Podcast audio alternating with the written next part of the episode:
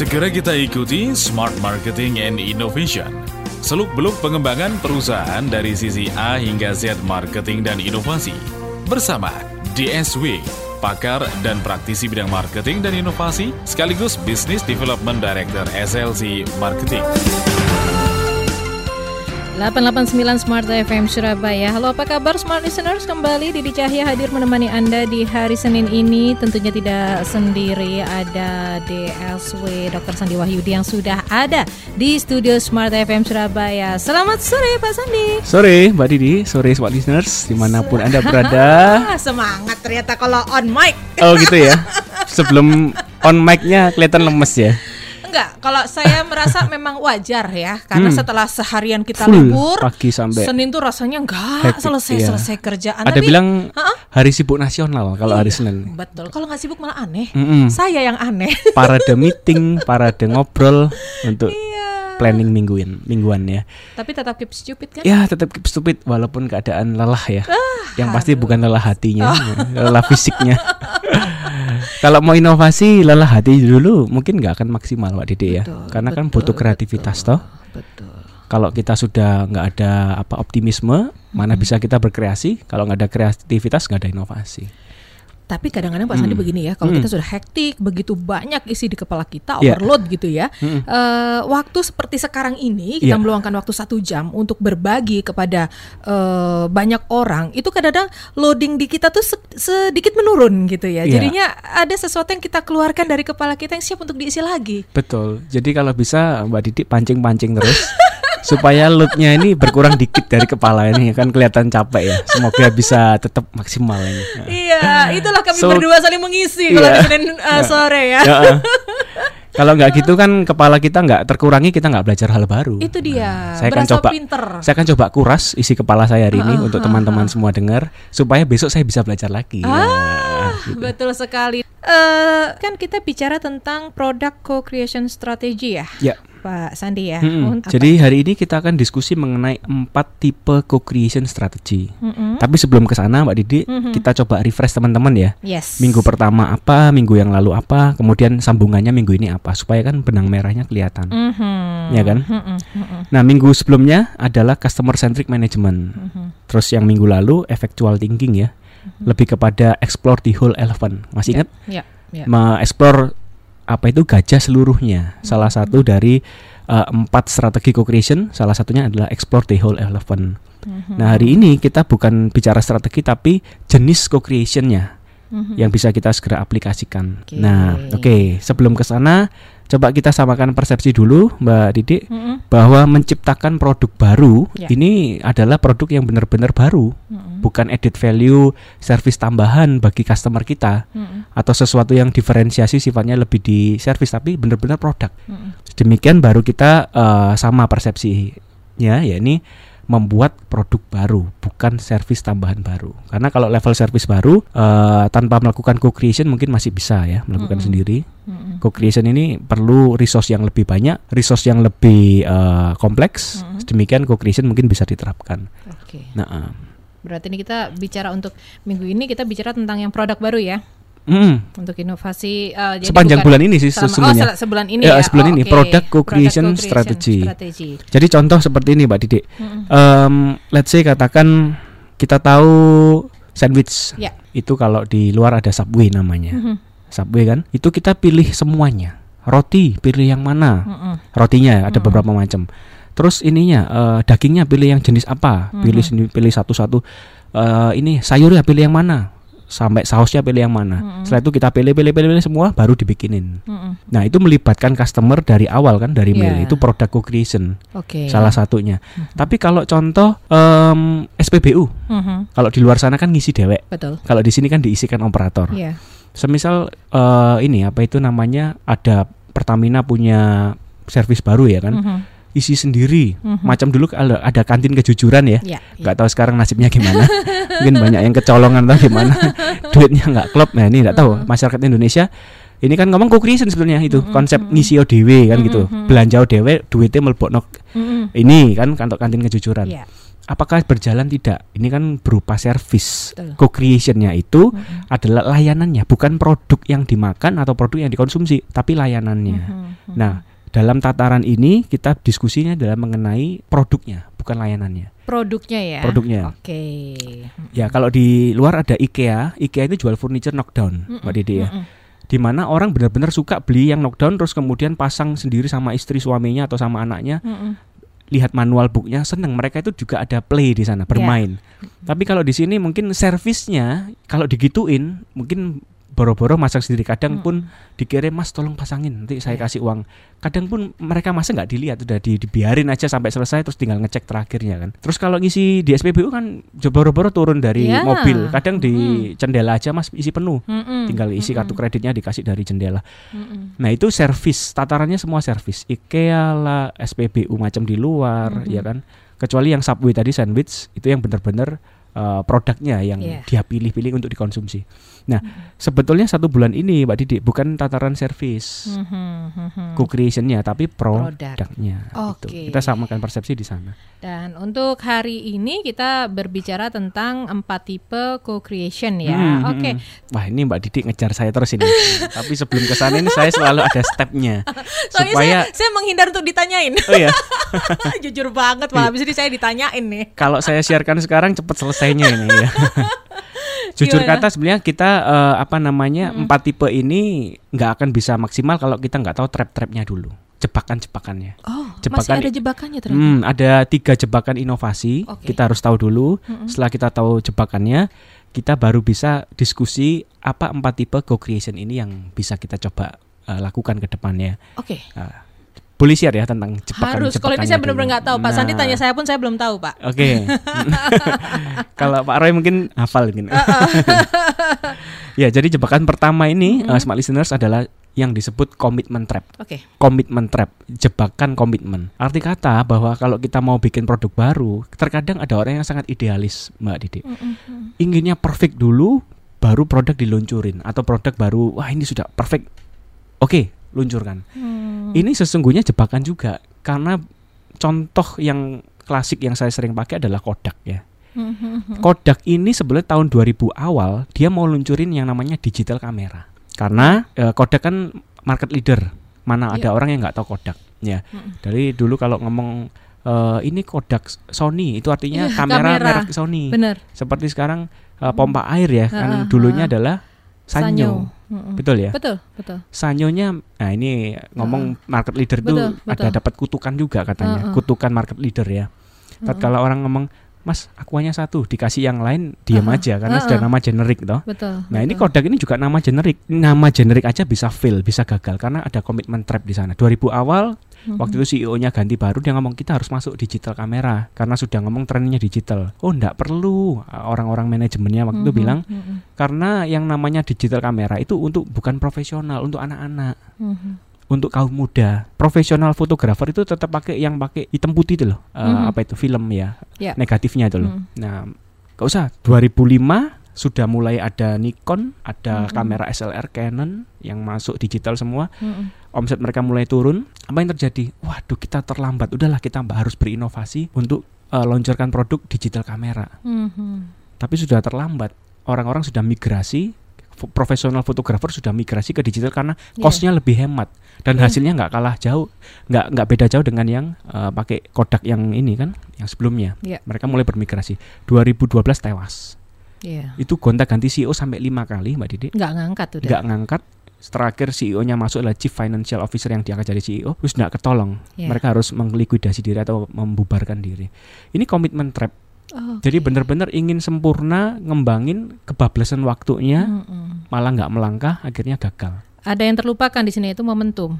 nah itu momentumnya udah lewat Mhm. Jadi kalau kita mau bikin produk baru, mau co-creation apalagi yang berpartner dengan banyak pihak, kita sendiri eh, apa namanya terlalu lama ambil tindakan ini juga akhirnya menjadi trap dan nggak akan maksimal. Yes. Ini trap yang pertama, Oke. komitmen trap. Trap yang kedua adalah success trap. Nah, Hmm. kalau ini sok pede.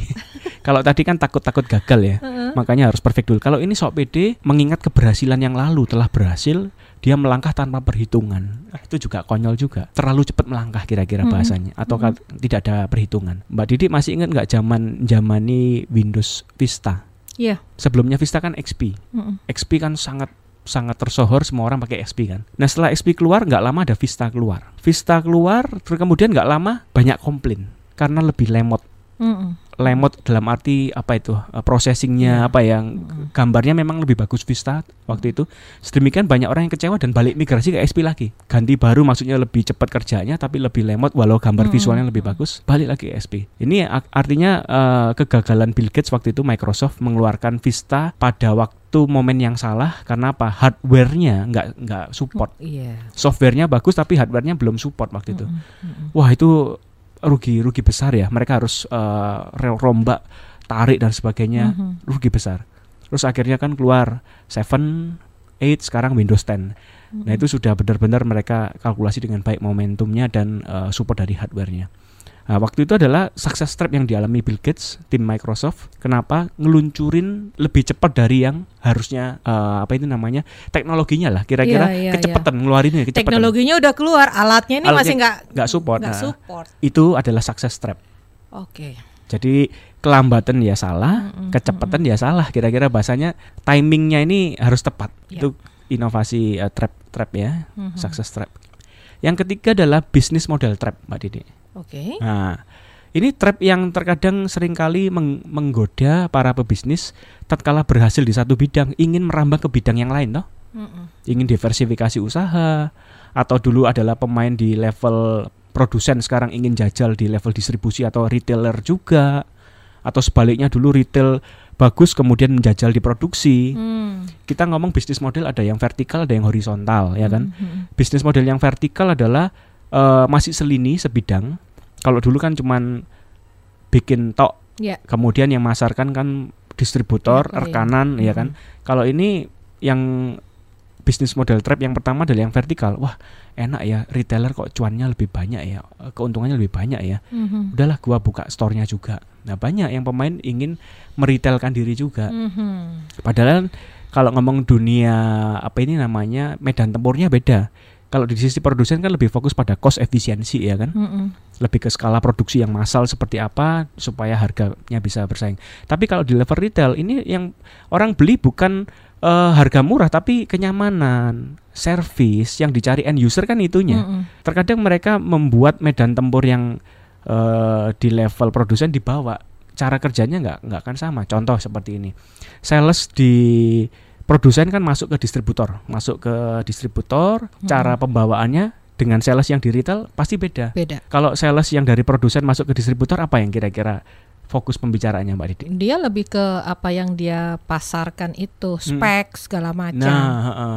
ngomong marginnya untuk bapak berapa, bonus-bonus buat bapak Iya. apa ke level distributor kan Iya. lebih ke sana kan, targetnya seperti apa. Tapi kalau sales yang di level retail atau SPG SPG fokusnya apa Mbak Didi? Ya, ke end dia, user. eh, Cara eh, apa yang dibahas kira-kira? lebih kepada keuntungan kalau menggunakan produk itu, Nah, benefitnya, benefitnya. emosional benefitnya, bukan kepada fitur atau kepada bonus-bonus tadi. Mm-mm. tapi lebih kepada ini ya eh, cara dia pendekatan ke customer end user, Mm-mm. cara dia menyapa, cara dia melayani, kecepatan melayani, lebih ke sana. Mm-mm. Salesnya pun mungkin perannya bukan lagi menjual tapi melayani. Nah, ini bisnis model trap yang sering kali tergiur yang secara vertikal ya, akhirnya dia fail gagal. Oke. Kemudian kalau bisnis model trap yang eh, horizontal adalah beda lini, industrinya beda kira-kira Mm-mm. dulu di properti sekarang merambah ke snack atau food ya dan sebaliknya Iya. yang beda ini. Padahal kompetensinya bukan di sana. Dia melirik memang pasarnya besar, Mm-mm. kemudian investasi besar-besaran. Padahal orang-orangnya tim intinya yang ada di manajemen belum tentu menguasai dan passionnya mungkin belum tentu ada di sana. Walau menguasai ilmunya, tapi kalau nggak sesuai passion juga nggak akan maksimal. Akhirnya gagal. Hmm. Ya, Ini ya. Kira-kira inovasi ino- inovasi bikin produk baru atau bisnis baru harus juga terkait dengan kompetensi utama dan passion yang kita miliki. Ya, Hmm. supaya apa?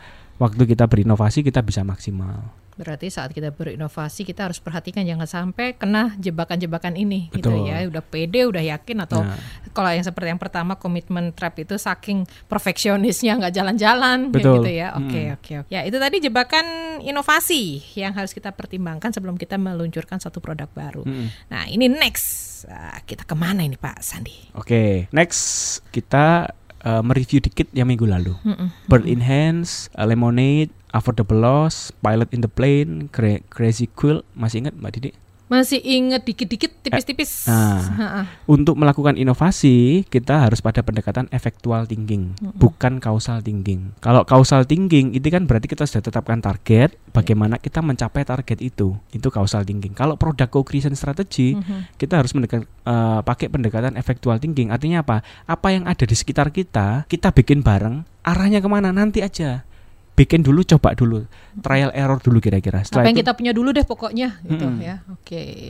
karena kita meminimalkan sumber daya. Iya. Jadi kalau bisa dengan ekonomi yang eh, serba menantang seperti ini, tetap kita harus berinovasi. Tapi bagaimana biaya kita bisa eh, reduce ya resiko kegagalannya. Mm-mm.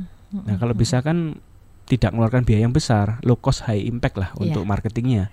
Jadi kita harus pendekatan efektual. Efektual itu ya. Ini Resource-nya adalah berpartner kira-kira. Kita ada, ada beberapa prinsip, lima prinsip toh. Mm-mm. Bird in hands itu macam apa yang kita punya, siapa yang kita kenal, ya kan? Dan apa yang kita miliki, ini kita bisa melakukan eh, kerjasama. Itu yang pertama, bird in hands. Mhm. Ini cuman ilustrasi bahwa Ya. burungnya itu ada di eh, atas tangan kita ya. Mm-mm. Kita Mm-mm. pegang lah, kita sudah kenal. sudah ada nggak usah Mm. susah-susah nangkep deh. Pokoknya yang ada Betul. gitu kita maksimalkan gitu ya. Yes, uh, Oke. start with who you are, what you know, and whom you know. Oke. Kira-kira itu ya. Mhm. Oke, itu yang birds in Bird in hand. hands. Kemudian ada juga yang lemonade. Mhm. Oke. Lemonade ini kan seperti kita bikin ini ya, eh, jus jeruk. Ya. Mm-mm. Kalau jus jeruk ini kita lihat bahwa jeruknya kurang matang, Iya. berarti kita harus tambah gula. Kalau jeruknya udah matang, berarti gulanya nggak usah banyak-banyak supaya nggak kemanisan toh. Menyesuaikan. Menyesuaikan. Mm-mm. Arti kata bahwa kalau kita kerjasama dengan orang, be open to surprises and leverage them. Jadi siap-siap ada surprise-surprise baru ke depan karena kita kerjasama dengan orang yang baru kita kenal. Mhm. Pasti banyak juga kekuatan kelemahan yang dia miliki. Yang satu bisa melengkapi kita, yang satu bisa merugikan kita kan kelemahannya. Mm-mm. Nah kita harus terbuka untuk itu karena kita mau kerjasama itu sifatnya jangka panjang. Jadi ya seperti suami istri lah, Mm-mm. Men- me- apa itu menerima segala kekurangannya. Itu Betul. lemonade Mm-mm. prinsip ya be open to surprises. Kemudian prinsip affordable loss. Kalau mau kerjasama berarti ada sedikit uh, kepemilikan kita yang kita berikan Mbak Didi. Seperti tadi Mbak Didi waktu kita off air kan cerita Mm-mm, nih, mm-mm, wadah kok ada peluang kerjasama bla bla bla. Ini ada affordable loss yang harus kita Mm. siapin. Harusnya kita dapat jatah 100%, Mm-mm. tapi kita nggak mau resiko juga kita share. Share resiko juga share uh, anu uh, gainnya, gain Iya. apa pendapatannya. Mm-mm. Share risk, share gain. Kita juga harus berbagi Mhm. resiko dan berbagi hasil. Ya. Itu artinya ada affordable loss yang harus kita siapin. Kemudian prinsip keempat adalah pilot in the plane. Pilot in the plane berarti kita ini sebagai pilotnya Mhm. yang mengarahkan arah pesawat mau ke mana. Nah semua mereka penumpangnya. Ya. Arti kata bahwa jurus pamungkas kita, rahasia bisnis kita yang terutama itu jangan semuanya di apa itu Share. sharingkan ke pihak yang ingin kita ajak kerjasama. Mm-mm. Karena kalau kita sudah tumpahkan habis seperti itu, maka apa yang kita miliki ini sudah tidak mereka butuhkan. Jangan-jangan kita yang disetir. Ya. Di rumus rahasia sukses bisnis setiap orang kan punya toh kompetensi utamanya. Mhm. Ajak kerjasama dengan banyak pihak yang mereka nggak punya kompetensi kita. Nah, supaya kita tetap menjadi pilot. Yang terakhir adalah crazy quill. Quill itu anyaman.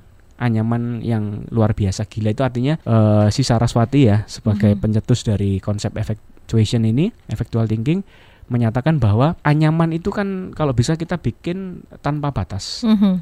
Ada warna merah kita masukin, ada benang jenis ini kita masukin. Jadi terus eh, berkembang, Mm-mm. Anyaman terus berkembang. Network yang kita miliki ini artinya kalau kita bikin co-creation strategy bisa jadi besok ada penawaran baru, penawaran baru itu eh, Mhm. partner baru, partner baru terus kita cari penjajakan terus untuk partner semakin banyak. Ya. Pertama gak nyambung mungkin. Loh, ini kok ngejak partnership saya nggak ada kaitan dengan bisnis saya. Mm-mm. Coba cari apa benang merah antara bisnis kita dan bisnis uh, partner terus kita kerjasamakan apa Iya, gitu kira-kira iya, iya, iya. tujuannya memang pertama untuk branding Mhm. untuk pengenalan bahwa kita eksis tapi berpikirlah untuk bikin duit dari sana bisa nggak ke depannya Iya. Nah. Oke. crazy quill itu anyaman yang tanpa batas Tanpa batas. Ha-ha. Dia akan berkembang terus, nganyam ber- terus, Ha-ha. networknya berkembang Bang terus. terus. Oke, jadi jangan pilih-pilih. Saya pengusaha kuliner, lu pengusaha Enggak, apa ha-ha. gitu. Jangan Enggak, suatu saat tertutup. kita bisa ketemu Betul, gitu ha-ha. kan. Oke. jadi bukalah diri seluas-luasnya Mm-mm, mm-mm. untuk menjalankan produk co-creation ini Oke. ternyata teman baru yang Tuhan kirim kita hari ini misalnya Heeh, heeh. kadang kan kita merasa wah ini orang ini bisa bisnis dengan saya enggak Ha-ha. enggak kelihatannya terus kita kan juga acu tak acu ya Ha-ha, padahal ha-ha. kalau kita tetap berhubungan baik tak kala suatu hari ternyata nyambung juga Iya, ya ini betul. luar biasanya adalah apa jangan membatasi diri Teruslah menganyam. teruslah menganyam Mm-mm. walau mungkin eh, nggak ono kaitane ya wis pokoknya konco dhisik kan ya siapa tahu iya. suatu kali kita bisa saling membutuhkan Dan siapa tahu justru dari orang-orang inilah kita menemukan ide-ide dan kreasi-kreasi baru dalam Mm-mm. ini ya, ide kita inovasi, inovasi itu kita. kadang itu munculnya bukan karena eh, kita berpartner dengan rekan yang sejenis ya Mm-mm, industrinya mm-mm. Terkadang antara industri A dan B digabung wah itu inovasi lebih Betul, paling enggak tuh yang Iya. contoh kita Mm-mm. apa sih hubungannya sepatu olahraga sama digital? Sama Nggak- teknologi digital? nggak ada Nggak ada kan? tapi Nike Plus melakukannya dengan Apple dong Nah, sepatunya ada ini sensornya untuk menghitung kalori terus apa planning untuk seminggu ini anda harus lari berapa kilometer langsung ke eh, apa itu namanya iPhone-nya iya. gonok kaitannya memang Sepatu sama gadget. Dincep nih nang Nike Plus itu kan gitu di bawahnya Dulu nggak kepikiran ya. Mm-mm. dunia digital dengan dunia sport tapi akhirnya kawin Akhirnya jadi satu iya. Eh, coba apa lagi Mbak Didi Iya. Banyak ya. Banyak sih. industri A industri B Mm-mm. lahirlah apa kan gitu ya seperti contoh ya yang fenomenal sekarang Gojek ya mungkin Betul. ya industri transportasi sama digital dikawinin jadilah Gojek kan gitu Saya juga tadi pagi nonton latte art itu Mm-mm. yang kita kan biasanya kopi segala macam tuh kita lukis-lukis manual sekarang juga sudah computerized. nah Jadi kita bisa foto selfie kita jadi seperti di kopi gitu. Kaitannya opo ngopi ambek foto nang gelas gitu Iya. di Mm-mm. dalam bentuk kopi gitu kan. yes yes Ternyata bisa. betul Oke. yang tadi kelas yoga sama kuliner Iki jadi apa kan gitu ya wah ini kalau ngomong co-creation anda harus berpikir luas Mm-mm. artinya jangan membatasi diri Oke. teman siapa pun mungkin itu Tuhan sedang kirim untuk kita Mhm. yang mana kadang kita kalau anti apa apatis ya ah enggak lah Mm-mm. Mm-mm. mungkin tu- kita menutup peluang yang Tuhan kirim buat kita mungkin Oke. itu kira-kira nah itu eh, pengantar Mbak Didi Mm-mm. Oke, apa aja nih empat Oke, tipe itu? empat tipe co-creation Mm-mm, eh, strategi ya empat Mm-mm. tipe kita coba Mbak Didi bagi Yes. Heeh. bagi menjadi beberapa ini apa namanya kotak ya Mhm. sumbu lah ya Mm-mm. Ini tergantung dari level ownership yang akan kita berikan ke mereka. Jadi kalau kita ngajak kerjasama hanya sifatnya mem- apa kita meminta input atau Mm-mm. sedikit memberikan fee bagi mereka, maka ownership yang kita berikan ke mereka juga kecil. Ya, Hmm. juga ada kerjasama yang benar-benar ownershipnya bersama, gagal tanggung bersama, untung tanggung bersama. Itu Hmm. ownership yang lebih tinggi. Jadi kalau ngomong sumbu horizontal ada eh, ownership yang kecil, Mm-mm. ada pula ownership yang tinggi. Istilah yang kita berikan ke mereka loh ya. Mm-mm. Nah, kemudian kalau sumbu vertikal kita ada juga openness. Openness ini artinya keterbukaan alias eh, siapa yang bisa join pada bisnis kita, produk yang kita baru bikin nanti ya. Mm-mm. Semakin ke atas itu siapa pun boleh gabung, siapa pun boleh eh, ikut co-creation. Kalau yang ke bawah ini adalah mereka yang hanya tertentu yang kita pilih. Semakin terbatas. Semakin terbatas eh, ya, proses seleksi melalui proses seleksi. Mm-mm. Jadi ada empat tipe co-creation. Jadi yang pertama adalah eh, ownershipnya kecil yang kita Mm-mm. kasih Mm-mm. pun terbatas untuk kalangan tertentu yang kita ajak kerjasama. Itu yang pertama disebut Club of Experts. Mm. Club of Experts. Jadi eh, gabungan beberapa ahli ya. Mm-mm. Ini istilah saja eh, 4C semua Club of Expert, kemudian Coalition of Parties, Community of Kindred Spirits dan Crowd of People. Nah, kalau crowd ini kan mungkin crowdsourcing, crowd people ini mungkin kita sudah kenal ya. Oke. Mm-mm. Pertama adalah Club of Expert. Ini yang low dan low. Oke. ownership yang kita berikan sedikit, kemudian pun terbatas untuk kalangan tertentu ya. Yang kedua adalah nanti kita diskusi mengenai coalition of parties. Coalition of parties ini koalisi beberapa pihak, ownership yang kita berikan ke mereka cukup besar, Mm-mm. tapi masih terbatas juga kepada Oke. beberapa kalangan tertentu. Ya, ini disebut coalition of parties coalition ya. Hmm. Kemudian yang ketiga adalah crowd of people. Mm-mm. Crowd of people ini ownership yang kita berikan ke mereka nggak terlalu besar, Mm-mm. tapi semua pihak boleh join. Siapa pun boleh ikut terbuka ya. terbuka untuk siapa pun untuk co-creation dengan kita. Mm-mm. Yang keempat yang terakhir adalah community of kindred spirits, kindred kindred ya. Artinya eh, punya kesamaan kesukaan yang sama, Hmm, kindred hmm, ini. hmm.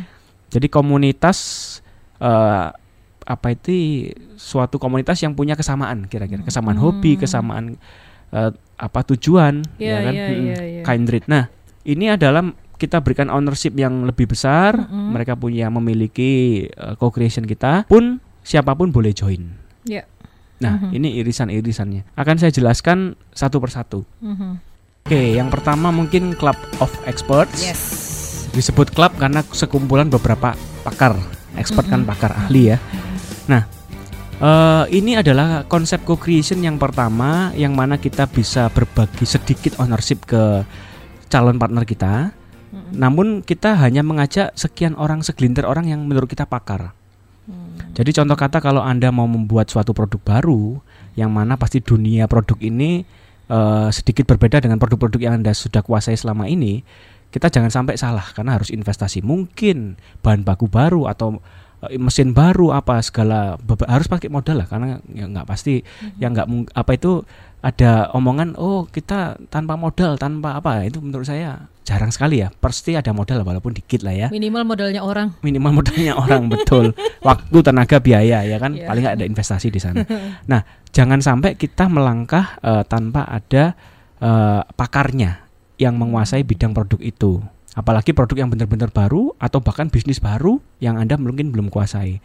Nah masalahnya kalau kita ngejak kerjasama orang ini kan pasti ada sesuatu yang harus kita share ke mereka. Yang pertama club of expert pak- sekumpulan para ahli kita bisa berikan eh, wah kalau fee-nya seberapa besar kan gitu ya. Mhm. Kalau- kalau kita bisa berikan fee yang nggak terlalu besar tapi adalah ownership yang memang kita berikan sekian persen saham atau sekian persen kepemilikan dari penjualan jadi laku berapa anda dapat sekian persen revenue sharing ya Mhm. mungkin kalau profit sharing kan harus buka-bukaan semua Iya, iya, profitnya iya. kalau revenue kan mungkin masih bisa lah ya di top Hmm. di paling atas kita bisa ajak mereka untuk kerjasama bikin eh, produk itu baru Mhm. tapi benar-benar pakar yang kita hire atau yang kita ajak kerjasama benar-benar kita udah percaya ini yang pertama Oke. Ya. Hmm.